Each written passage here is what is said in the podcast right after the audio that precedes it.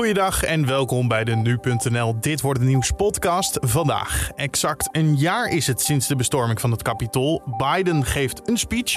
Ook een jaar geleden werd de eerste coronaprik in ons land gezet. Inmiddels boosten we verder met voor velen een derde prik.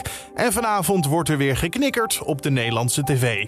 Dat zo, eerst kort het nieuws van nu. Mijn naam is Carne van der Brink en het is vandaag donderdag 6 januari.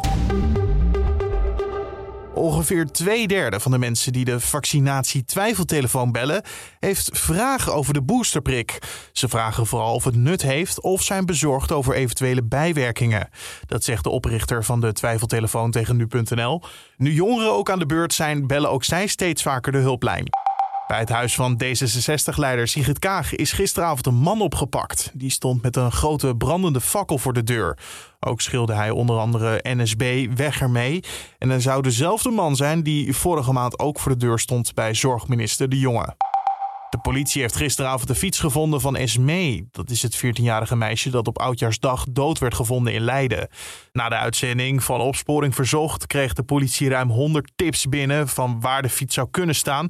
Uiteindelijk eh, was hij in een straat neergezet. Het is nog niet bekend wie de fiets in de straat heeft geplaatst. En de Kappersbond doet een oproep aan het nieuwe kabinet. Draag je coronakoep met trots op de traditionele bordesfoto. Volgende week maandag is dat persmoment met de nieuwe ministers op de trap van Paleis Noordeinde. Maar nu de kapsalons dicht moeten blijven, verwacht Kappersbond Anko geen ministers met vers geknipte kapsels te zien. Dat zou een heel slecht signaal zijn naar de kappers. Over naar de agenda van vandaag, oftewel dit wordt het nieuws. Het is uh, vandaag precies een jaar geleden dat uh, duizenden aanhangers van Donald Trump het Capitool in Washington bestormden. Ze drongen met geweld het parlementsgebouw binnen op het moment dat daar de uitslag van de presidentsverkiezingen van eind 2020 werd geformaliseerd. Toenmalig president Trump weigerde zijn verlies te erkennen omdat er volgens hem grootschalig fraude was gepleegd. En hoewel elk bewijs daarvoor ontbrak. De Amerikaanse president Joe Biden en vicepresident Kamala Harris spreken Amerika vanavond toe. En ook Trump zou een toespraak houden, maar die is afgelast. En ook vandaag is het precies een jaar geleden dat de eerste prik met het coronavaccin in Nederland werd gezet. Gebeurde toen in Veghel en werd gezet bij een verpleeghuismedewerker. Ook aanwezig waren toen eh, minister Hugo de Jonge en de voorzitter van de GGD Goor, André Rauwvoet. Nederland was trouwens het laatste Europese land dat begon met het vaccineren tegen het coronavirus.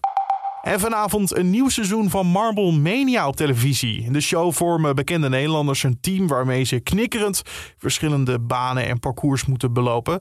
Daarmee wordt vervolgens geld opgehaald voor het goede doel. Het eerste seizoen van eh, Marble Mania trok eh, wekelijks meer dan een miljoen kijkers. En het nieuwe seizoen start vanavond om half negen bij SBS 6. Tot zover de agenda. Dan het weer van Weerplaza met Roosmijn Knol. Na twee dagen met geregeld buien blijft het vandaag een groot deel van de dag droog. En na een koude ochtend met in het binnenland temperaturen net boven het vriespunt warmt het uiteindelijk overal op naar zo'n 5 of 6 graden.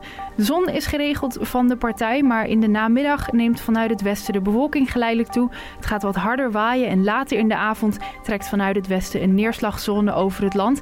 En de avond en nacht naar vrijdag verloopt dan ook druilerig en grijs. Dankjewel Roosmijn Knol van Weerplaza. En tot zover deze Dit voor de Nieuws podcast voor de donderdag 6 januari. Dank voor het luisteren. Maak er een mooie dag van. Mijn naam is Carne van der Brink. En morgen ben ik er ook weer. Hopelijk jij ook.